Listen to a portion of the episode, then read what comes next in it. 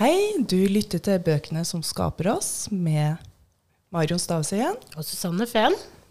Og med oss i dag har vi to spennende gjester når vi skal snakke om den boka som heter 'Jentene gjør opprør', som kom ut i 1973. Og Den er skrevet av Frøydis Guldal.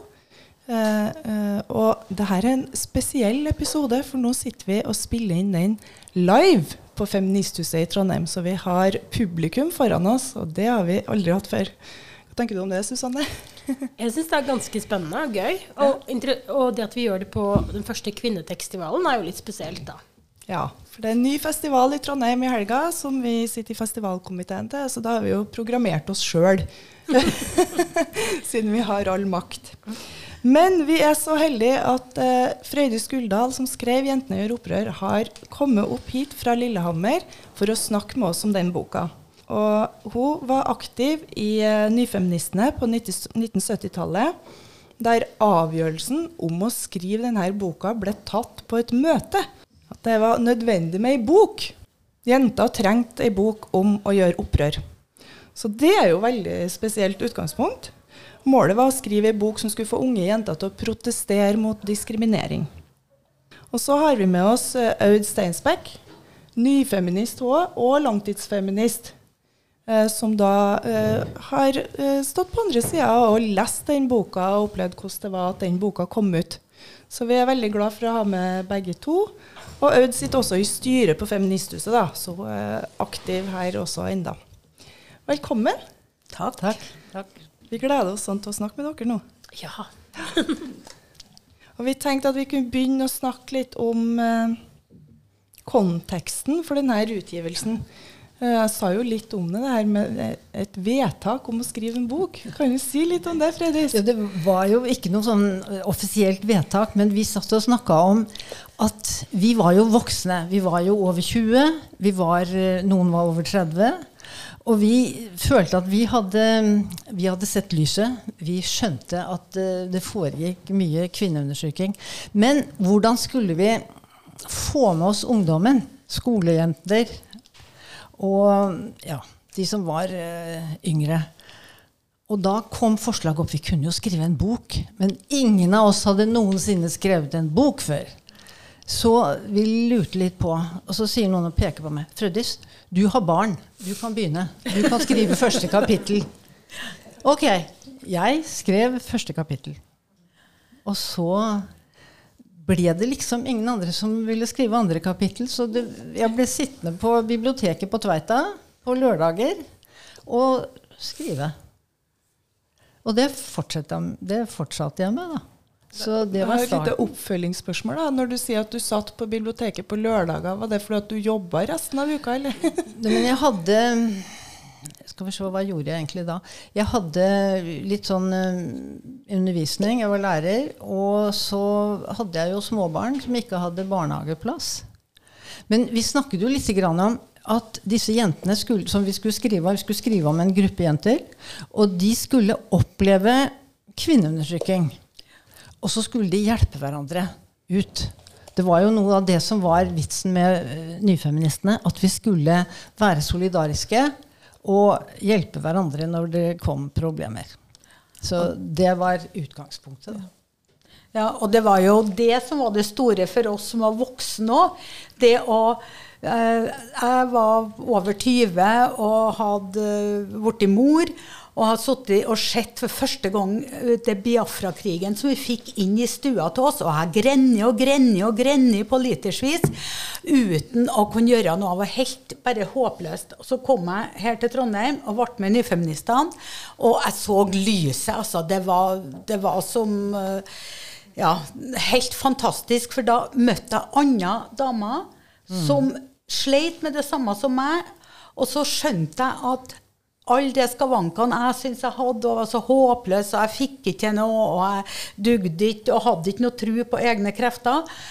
Og delte jeg det, så skjønte jeg at det var en strukturell undertrykking, og at det var ikke min private og personlige feil at jeg var sånn som jeg var. Og så bretta vi opp armene. Og så hiva vi oss rundt og så sa vi, 'Syns du en oppgave er for stor, så ta den på deg.' Og dæken, Der kom det. Til hvor vi jobba. så det var en fantastisk opplevelse med det her å endre det der som vi hadde lært at kvinne er kvinne verst, til å kvinne er kvinne best. Og, og, det at vi fikk det så mye som vi gjorde, for vi gjorde det. Altså Kvinnebevegelsen på 70-tallet var jo en av de frigjøringsbevegelsene som har satt størst spor etter seg. Så jeg er kry av å ha vært en del av det. Ja. Ja. Og så eh, kan vi jo gå litt videre til når denne boka kom ut. Altså, for du, begynt, du skriver på lørdager, sier du. Og så når, begynte du i 1971 med det.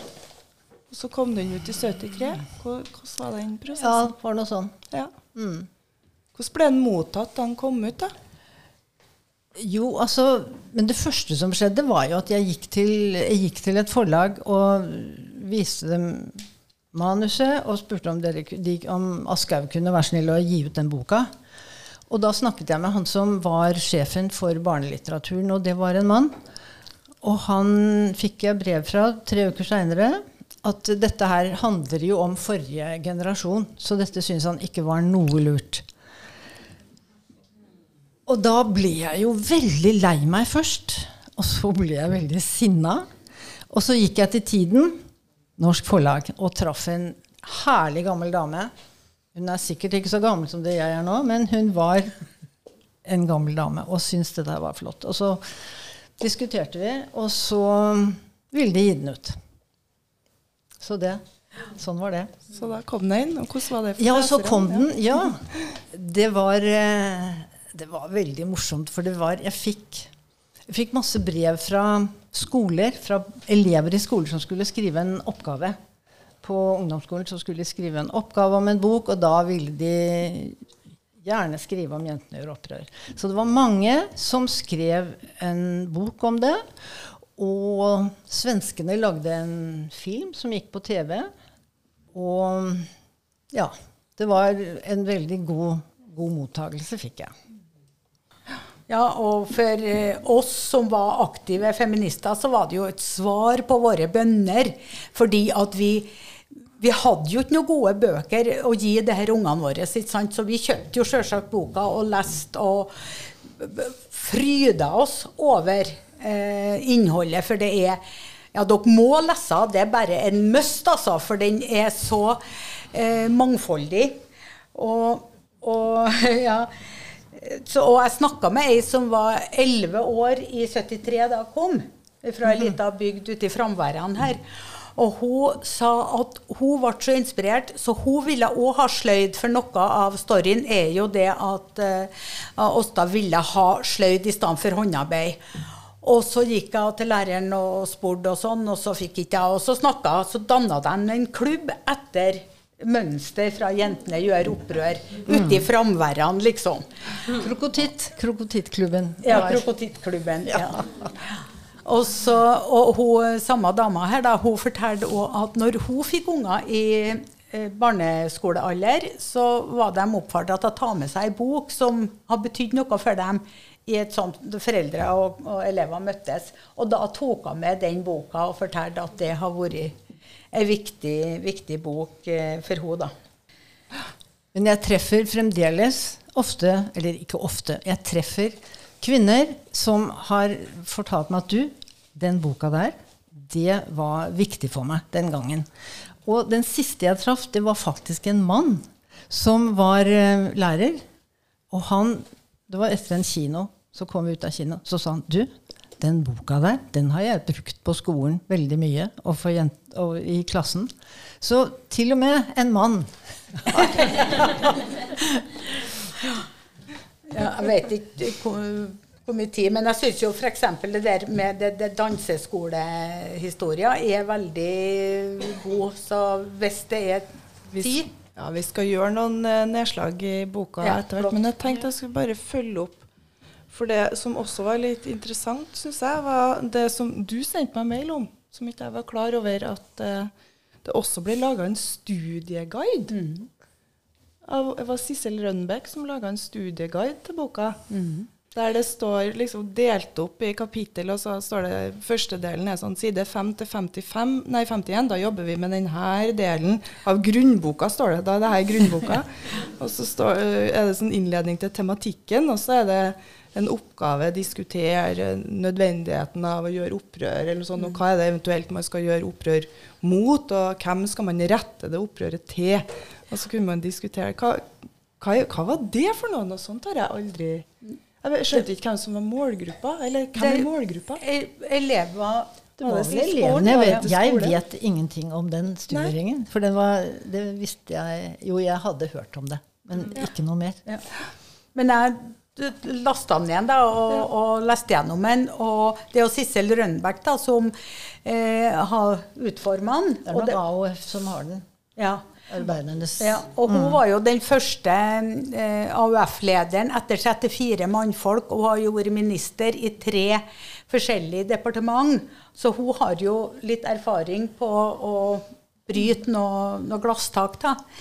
Uh, og det var jo i 1975, så det var et samarbeid mellom den internasjonale eh, komiteen for FN kvin kvinneåret og Folkets brevskole. Så jeg syns jo at det er kjempemessig. og jeg syns det burde ha vært i Nå òg burde vi ha fått gjennomført her studiesirkelen rundt omkring på skolene. For gud hjelpe meg, det kunne ha trengtes. Ja. ja, for jeg leste innledningsvis i den så sto det at det var uh, unge jenter. Og også gutter, sto det.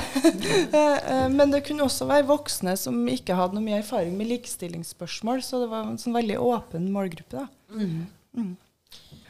Men uh, brenner vi inn med å snakke om hva det egentlig står i denne boka nå?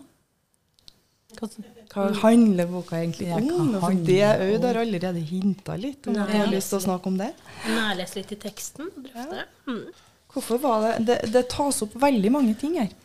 Det, det, var det første som slo meg da jeg leste gjennom. Først, her er alle viktige saker i kvinnebevegelsen klart å samle i ei bok. Det er liksom kampen for, eh, for å få ha de samme fagene i skolen, kampen for å delta likt i idretten, kampen for å få far til å eh, stille opp likt hjemme. Altså det er så mange veldig godt utført av deg, for du har fått implementert alt det. Ja. så hvordan disse jentene blir så bevisst på disse mekanismene. da. Disse mm. undertrykkende mekanismene både i samfunnet og hvordan det fungerer i familieforholdet. Tenker på bl.a. når ja, jeg gjør like mye, broren min gjør like mye som meg. Nei, det gjør han jo ikke, for du gjør det og det i mm. oppgaver. Og det var ganske interessant, syns jeg. Men nå sitter jo en del folk her som Har alle her lest denne boka? Nei. Ja, noen har lest den, det nikkes. Um, og lytterne våre har sikkert heller ikke lest den, da, i og med at den er utsatt. Så er det noen som har lyst til å oppsummere litt hvem er det handler om? Hva er egentlig handlinga? Ja, vi, vi, tenkte jo at det skulle handle om noen, noen jenter, og det ble, det ble, fire jenter. Og, og, de var jo da i forskjellige situasjoner. Én kom fra landet og var flink i sport, og hun ville veldig gjerne hoppe. I, være med guttene i skihoppet. Det, men det var jo bare gutter som skulle hoppe på ski. Og jeg tenker, nå er det 50 år siden jeg skrev det. Og det er jo først nå at jentene får lov til å være med på det. Og en ville ha sløyd. Hun orket ikke å strikke. Noen klarer ikke å strikke. Jeg er en sånn en. Jeg innrømmer det. Ja, de, de, sånn er det. Og hun ville ha sløyd. Og så var det jo hun som måtte gjøre alt arbeidet hjemme, da. Fordi hun hadde, en, hun hadde bare en bror og en, en far. Og så, og så, skjer det ting med mora som gjør at hun, eh, hun kommer på sjukehuset. Og da, da blir det jo vanskelig i familien. Sånn at disse jentene opplevde da forskjellige, ja, forskjellige ting som jenter kan oppleve. At det er en urettferdig verden. Og så går disse jentene sammen. De har jo klubbmøter, og de bestemmer hva skal vi gjøre, og så lager de denne klubben. Og det navnet er jo satt sammen. De skal være både litt farlige, og de skal være snille og greie. Og må utdype litt mer det her krokotitt. Ja, altså de, det er jo et mystisk ord. En ville at nei, vi skal hete Krokodilleklubben fordi at vi skal være farlige for verden. Ja, vi skal vel ikke være farlige. Vi skal Så fant de ut at de, de ville ha noen som De ville ha en, en mente at vi skulle ha et dyr hvor det var bare pappaene som stelte med barna. Og det fins jo. Det finnes en fugl som heter bolltitt. Og der er det der er det hannene som tar alt. eh, Så det var en som sa vi lager bolltittklubben. Nei, nei, nei. Vi må ha begge deler. Så ble det krokotitt. Både farlig og omsorgsfulle. Det er jo det vi vil være. Vi vil være både farlige og omsorgsfulle. Og, jeg syns jo når boka kom, ikke sant, du hadde fanga opp så godt det som var veldig tidstypisk, og som vi jobba og sleit med. Som uh, du snakka om Liv som måtte gjøre alt hjemme, alt husarbeidet. Og så hadde de uh, to små uh, tvillinger i den familien når mora ble syk. da. Og det er jo litt artige plott i boka, da, for han faren han skifter jo ikke bleier. ikke sant? Det er jo dem som gjør det. Og så en gang så skifter de klær på ungene, så det lyseblå får eh, hun jenta, og det lyserøde får han gutten. da. Og så detter hun er litt ravete, og der vet jeg sånn at hun detter og slår seg. Og da sier jo faren, da, som ser de lyseblå klærne på henne, nei, du er nå så frempå, du gutten min, ikke sant? For han tror det er gutten da, som går i dette her. Og så må de ha det sånn en stund til kuren i panna til hun, Tina har gitt seg, da. Eh, for de kan jo ikke av... Altså, han kan jo ikke bytte noen bleier, for da vil han jo se at de har uh, lura. så, så det er litt sånn artig plott, syns jeg. Og så har de laga seg arbeidsfordeling, men så finner Liv ut at nei, dette her, det er Pappa og Lars, da, broren, de gjør jo litt, men så alle de her småtingene gjør ikke dem, for det står ikke på lista. Og dette er jo sånn som vi som var feminister på 70-tallet, vi jobba jo som noe svin for å få med kallene våre til å dele arbeidsoppgavene i heimen. ikke sant? Det var jo vår oppgave, det òg. Og jeg vet at eh, med min mann da, så laga vi eh, for at, Så skulle vi dele del husarbeidet, og da tenkte han oppvask og gulvvask og, og ta seg av ungen og sånn. Men alt det andre småtteriet, så vi laga sånn A- og B-uke. Uh, og da var det detaljert, og da ti, var Tina kjøleskapet gå ut med søppelet, plukke opp leikene, ikke sant. Da var det detaljert. Få synliggjort alt som ikke blir sett. Ja. Bevisstgjøring omkring det her småtinga. det er jo det hun Liv får hjelp av Krokotitt til, å sitte og skrive ned den lista. Hva er egentlig alt vi gjør? Matpakker, matpakkesmøring, alt vi gjør. Og så gå hjem og slå den i bordet da, til Lars og far, at her skal alt deles. Og så er det jo så fint, for det at det er eh, også med det her med at når du stikker deg fram som de gjør i den klubben, eh, så kunne det bli litt tøft, for de kan bli erta og hersa med som eh, kvinnesakskvinner, eller som jenter som står for det der. Og, og Frøydis har da sagt ja, sånn er det. En må tåle å bli litt utsatt for å kjempe de her kampene. Og det vet jo vi som har eh, fronta det her i noen år, at vi fikk jo en del eh, ja, sånn mannehatere og Fikk en del stempel, ja. Ja. Da må vi ta ut krokodillene i oss. Ja. ja, det må vi. Men samtidig så er det jo så fint at du har med det der kjæresteriet, at hun Åsta er så forelska i Lars. Og at, at de driver og snerer litt. Som vi sier, vi er så heldige vi som har vokst opp i den tida vi får lov til å snere. i. Nå ser de jo bare på TV-en. og Det blir ikke noe mye snering i pornoen der. Men det er noe så Men Hva er i hvert- snering? Ja, det Snering, det er liksom sånn litt forsiktig sånn oh, ja, vi Gjør litt sånn kul til hverandre. Ja. ja, ja, gjør litt kur, men på en litt uh, forsiktig måte. Sånn som Liv og Nei, som uh, Åsta og Lars gjør i det her. Så det er jo så vakkert at det blir med, for de har jo som en av reglene ja, vi må si noe om de Ja, reglene. Det må vi prate Vi må si noe om reglene. Ja. For en, ingen krokotittklubb uten regler. Nei. Ja, vedtekter. Eh, De har, de har reglene. Du kan jo lese dem, Susanne, for jeg husker dem ikke ennå. Det kan jeg gjøre. Det er fire regler. Skal jeg lese de først, og så, og så Ja, vi samla? Mm.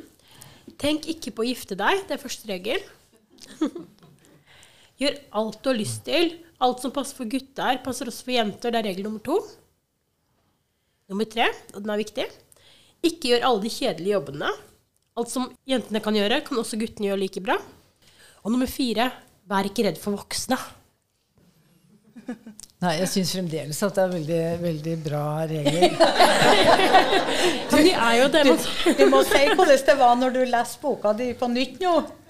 Ja, nei, jeg, da jeg leste den Jeg leste den jo her om dagen for når jeg skulle hit, da, så tenkte jeg at fy filler'n, her står det veldig mye lurt. så jeg, jeg tenkte at det, dette her, dette her holder. Også, også, men vi snakket om, om Lars, og jeg, jeg syns jo også at eh, menn og gutter ble jo også framstilt som liksom veldig tøffe og ufølsomme og liksom Så jeg, jeg syns jo at det var veldig viktig å beskrive noen gutter som var av den riktige typen, riktige sorten. For de fins jo også. Og jeg fant jo, jeg fant jo meg en sånn mann sjøl, da. Så jeg tenkte at eh, liksom de som er milde og snille og greie og sånn, de skal også, de skal også med. Vi skal ikke beskrive menn og gutter som, eh, som ufølsomme og for, som fienden. For de er jo ikke fiender. Det er jo ikke det.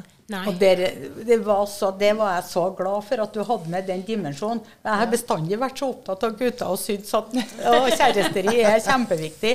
Og så det å få frem hvordan gutter, hvordan mannfolk er vi vil ha. Vi vil jo ikke ha det her macho-typene.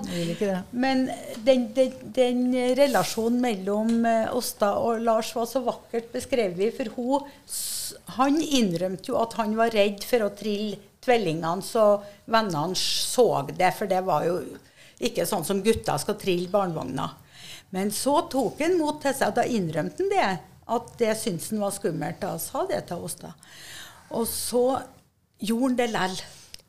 Og gikk til kameratene når han hadde tvillingene og passa dem. Og da syns jeg også at han var virkelig modig. Det er jo det som er modig, å tørre å vise sårbarhet. Og så fulgte hun hans eksempel når hun skulle hoppe da etter at hun eh, Tone Nei. Tone var Tone som kjefta, ja. Eh, Som hoppa. Og da når hun skulle være liksom opp og, og hoppe på og så kjente jeg at nei, det ble for skummelt. Og så tenkte jeg at hun skulle være like modig som en Lars og si at nei, dette syns jeg var skummelt. Og så gjorde ikke jeg det. Og det òg tror jeg er viktig. sånn Vi skal ikke overstrekke oss. Heller vi skal, Noen ganger er det lurt å ta av seg skien og tråkke ned bakken og ikke sette utfor. Og noen ganger skal vi sette utfor. Men vi skal Da Det hadde jeg jo å kommet tråkke til ned unna henne, da. ja. det hadde jeg jo kommet til å gjort. Tråkka ned unna rennet. En, et annet tema som, som eh, jeg var veldig glad for, for jeg er opptatt av seksuelle overgrep, og at du tar med det i 73. Det var ikke noe mange som snakka om seksuelle overgrep i 73, altså, Freddy, så det skal du ha Nei, stor men det, ære. det var jo faktisk noe jeg hadde opplevd sjøl. En mann som liksom kommer sånn og altså, 'Jaså, har du begynt å få pupper?' Altså, det var jo Det er ikke mye, men det er et overgrep. Og, og sånn at det var jo et veldig mildt overgrep. Men uh, jeg syns det var viktig å få med. Ja. Det er et sånt selskap. Er, er det faren til Liv som har selskap? Nei. Nei. Ja. Bank- Jo, bank, er banksjefen, ja. Banksjefen Banksjefen har selskap. selskap, og så er det da en av hans kollegaer eller venner som beføler en av de andre jentene i Krokotitt. Så det var mm. Og så forteller hun det til venninna si. Mm. Og da tenker jeg Hvis den boka ble blitt skrevet nå, så tenker jeg at dere har gått videre. Da kunne hun ha fått snakka med en voksen, og at det kunne ha blitt tatt opp Ja. videre. Men det som skjer da, er jo at de Ja, da skal vi passe oss for han. Ja. Og det kjenner jeg veldig igjen fra da jeg var i den alderen på 90-tallet. Altså, vi opplevde jo så mye sånne ting. Både med jevnaldringer og andre mannfolk. Og, men vi tok det jo aldri videre. Men vi advarte hverandre. Så det var veldig sånn gjenkjennelig. Ja. Nå tror jeg jo det Håper i hvert fall at det ofte kommer videre. Da. Mm. så det her Når Andersen gjør dette her, så kommer det på at hun ikke har klippet neglen hun kan klore seg løs. Og dette med å forsvare seg sjøl som jente er jo også Han sier hun er ei villkatt, og så kommer jeg på ja, jeg har negler, og så kløner han i ja. fjeset. Riktig. Det er det. Men det er lenge før metoo, det her, altså. 73. Det er lenge til 2017, da. Men du var frempå, og det syns jeg var veldig bra. Det, det samme skjedde jo den gangen. òg. Ja, ja, ja, det er klart. Men vi snakka ikke om det. nei. Det sto ikke om det i bøkene og sånn. Men du skrev om det, og disse jentene advarte hverandre og kunne holde seg unna. Det er bra. Men det var jo en av slagordene på 70-tallet. At det private er politisk fordi det er felles. Så var jo da vi begynte å avdekke den private volden, det som ble kalt husbråk. Og vi fikk bygd opp krisesentrene og incestsentrene. Og, at vi løfta frem uh, det, det private misbruket. Jeg har en, et tekststed som jeg syns var litt sånn artig, fordi at jeg har vært sittende og gruble på Jeg har hørt noe lignende før. kan jeg dele det med dere? Ja. Det er når de sitter og planlegger denne eh, eh, klubben. Eh, så eh, ja, vi er midt i en eh, samtale Skal vi se se hvor jeg skal starte den her nå. Ja. ja, de snakker litt om hvem som skal være med i denne klubben. da, Åsta og Kjersti. og Eh, og så To er litt for få til å få til en klubb, syns jeg. Kanskje de andre ikke har noe å gjøre opprør mot. Og så svarer Åsta. Alle jenter har noe å gjøre opprør mot, protesterte Åsta. De veit det bare ikke sjøl. Men det må vi få dem til å skjønne. Og det var den som fikk liksom surre. Hva er det her? Har jeg nettopp snakka med noen om? Hva er det her? Og så måtte jeg jo Hva var egentlig mottoet til Sirene? tenkte jeg. Og så søkte jeg opp det. da, Ja. Vi er klar over at ikke alle kvinner føler seg undertrykt, men vi vet at de er det, begynner det mottoet med. Og det er jo oss da som formidler den akkurat samme erkjennelsen gjennom. Det synes jeg var litt sånn Det sier vi jo i dag òg. Det er ikke alle som føler seg undertrykt, men jeg vet, jeg vet at de er det. mm. Ja, og du, vi må ta den der danseskole... Ja, for det er veldig interessant. Altså, det snakka vi om ute, og det tenkte jeg jo på. Det her eh, Når de snakker om danseskole og ulike relasjoner til danseskole. Vi har prøvd å unngå hverandre i dag for å ikke begynne å snakke for mye om boka. Altså, vi snakker oss tørr, men vi, så vi har bare avtalt at vi skal snakke om danseskolen. Hva var det som skjedde? Er det Noen Aud, Ja, øh, har det, du? altså, jeg har det opp, for jeg syns Ja, det er et sånt fint eh, eksempel. Skal jeg, skulle jeg lese det? Lese. Ja. Ja, Diskusjonen fortsatte i frikvarteret. Det var Åsta og Lisen som diskuterte mest, ivrig oppmuntret av de andre. Nå var det danseskolen som fikk gjennomgå.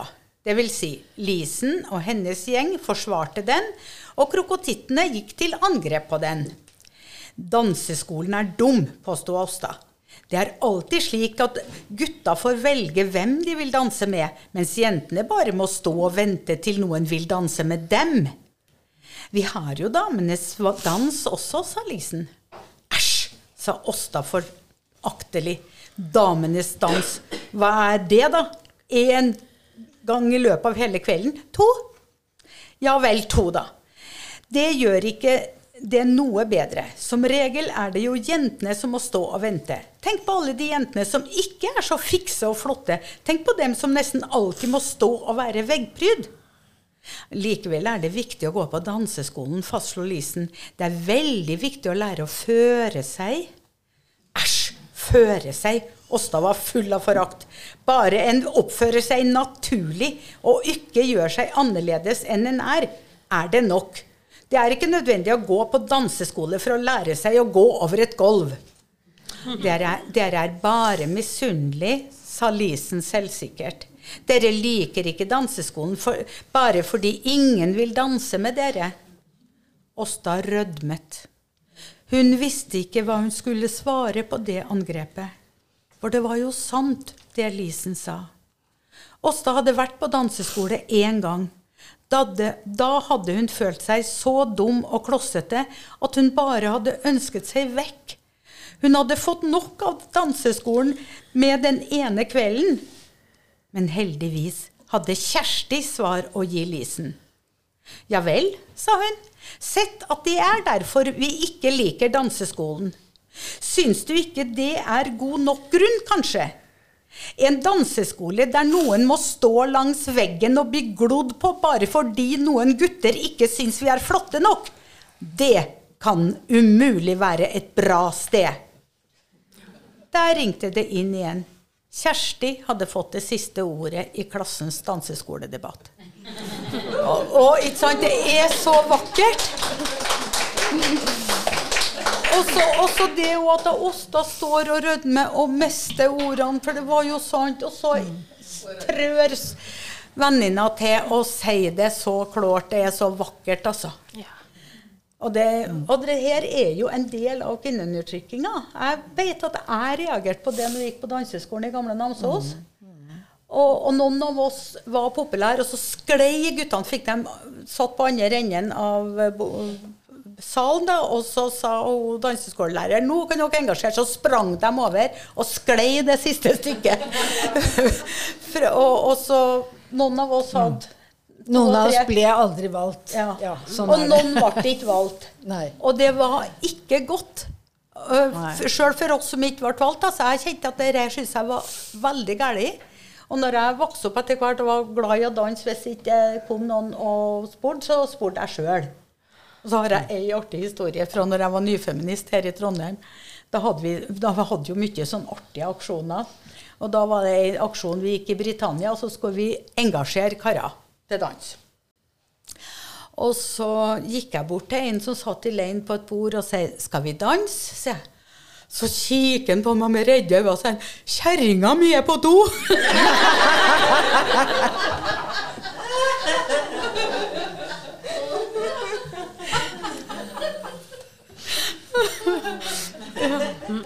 Ble det nei eller ja?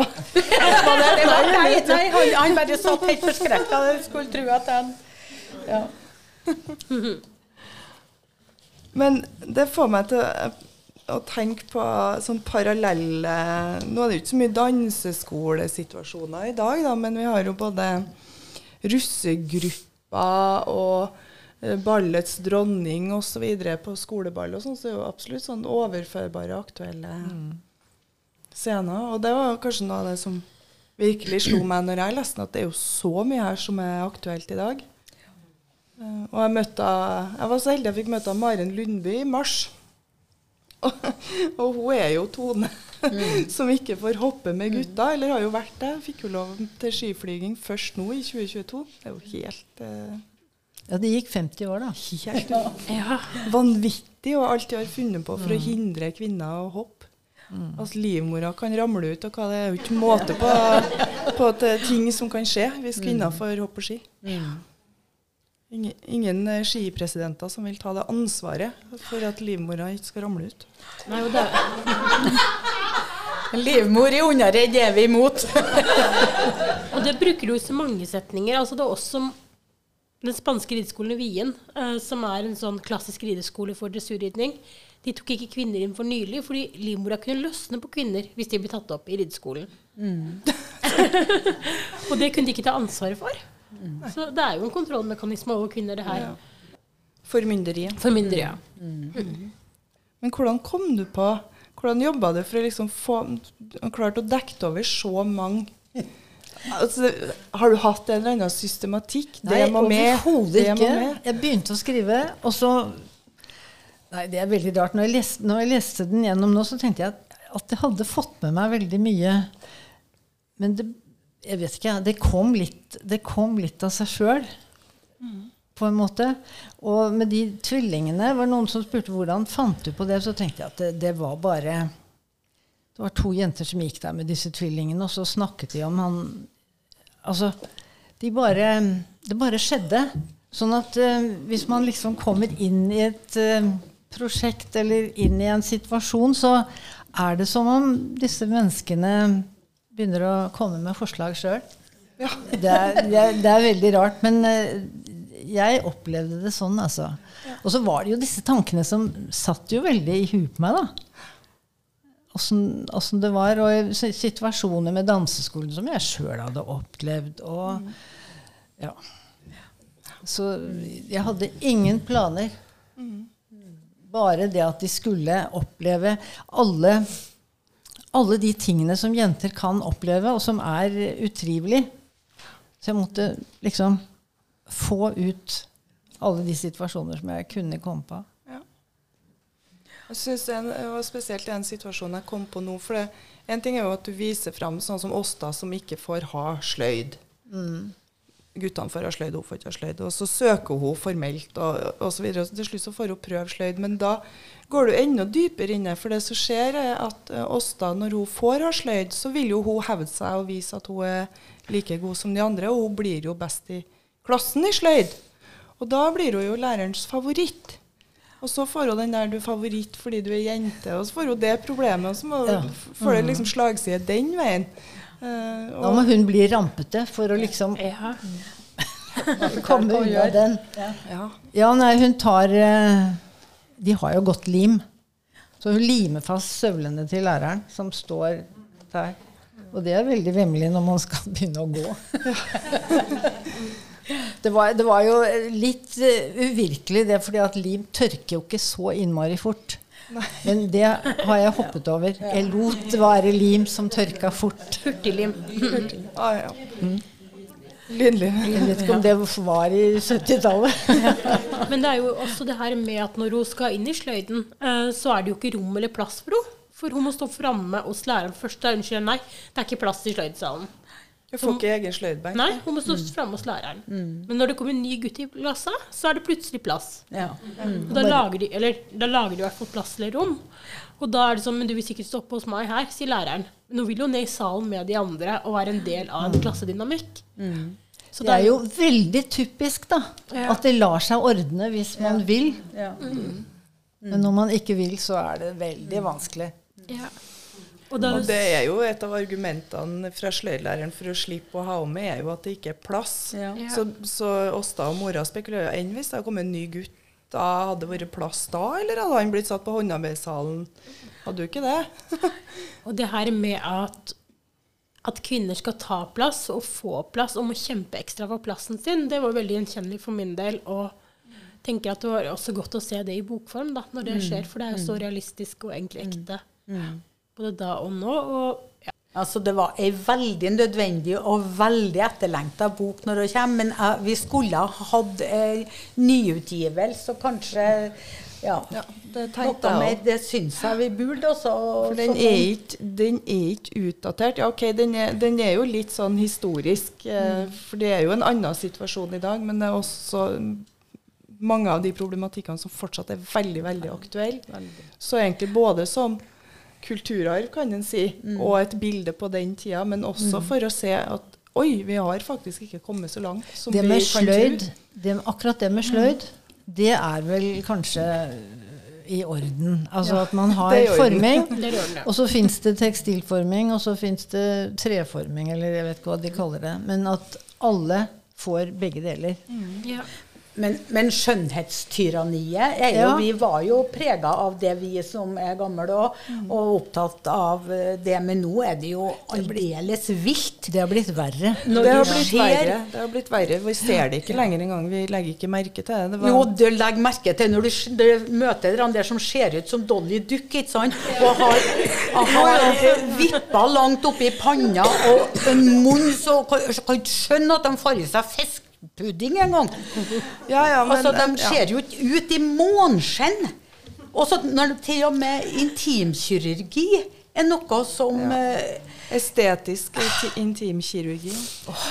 Nei, det er Det men, er men, men jeg det tenker det, det som vi, i hvert fall min generasjon, tror jeg vi har blitt helt bedøvd for sånn eh, objektivering av kvinner på plakater og i magasiner og sånn, der man før ville reagere kraftig, så gjør vi ikke det.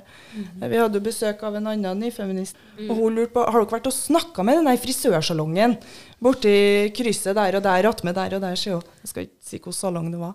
Nei, hva mener du? Og Det hang så forferdelig plakat i vinduet. Jeg går nå forbi det hver dag. Jeg har nå aldri sett en forferdelig eh, plakat. Da var det altså en plakat på en frisørsalong. En plakat av ei dame med plastfolie foran ansiktet. Og så en eller annen sånn frisyre. Altså sånn kvelepornoestetikk. Som vi bare Å ja. ja. Hun ble kvalt og var reklame for hår samtidig. Hvis det der hadde skjedd tid, så hadde vi bare revet det ned. Så, så da våkna jeg litt. Da begynte jeg liksom å se bare, Hvordan ser egentlig plakater og forsida ut? Ja, vi har en jobb å gjøre, og det det har blitt verre. Ja. Men det har jo også vært snakk om nå, og er et forbud som har kommet mot restriksjonering og marking av plakater. da. Så bevisstheten er jo på vei inn nå. ja, men ikke et forbud mot ob eh, objektivering av kvinner. Altså. Nei, Men da er det det neste vi må jobbe for. Ja.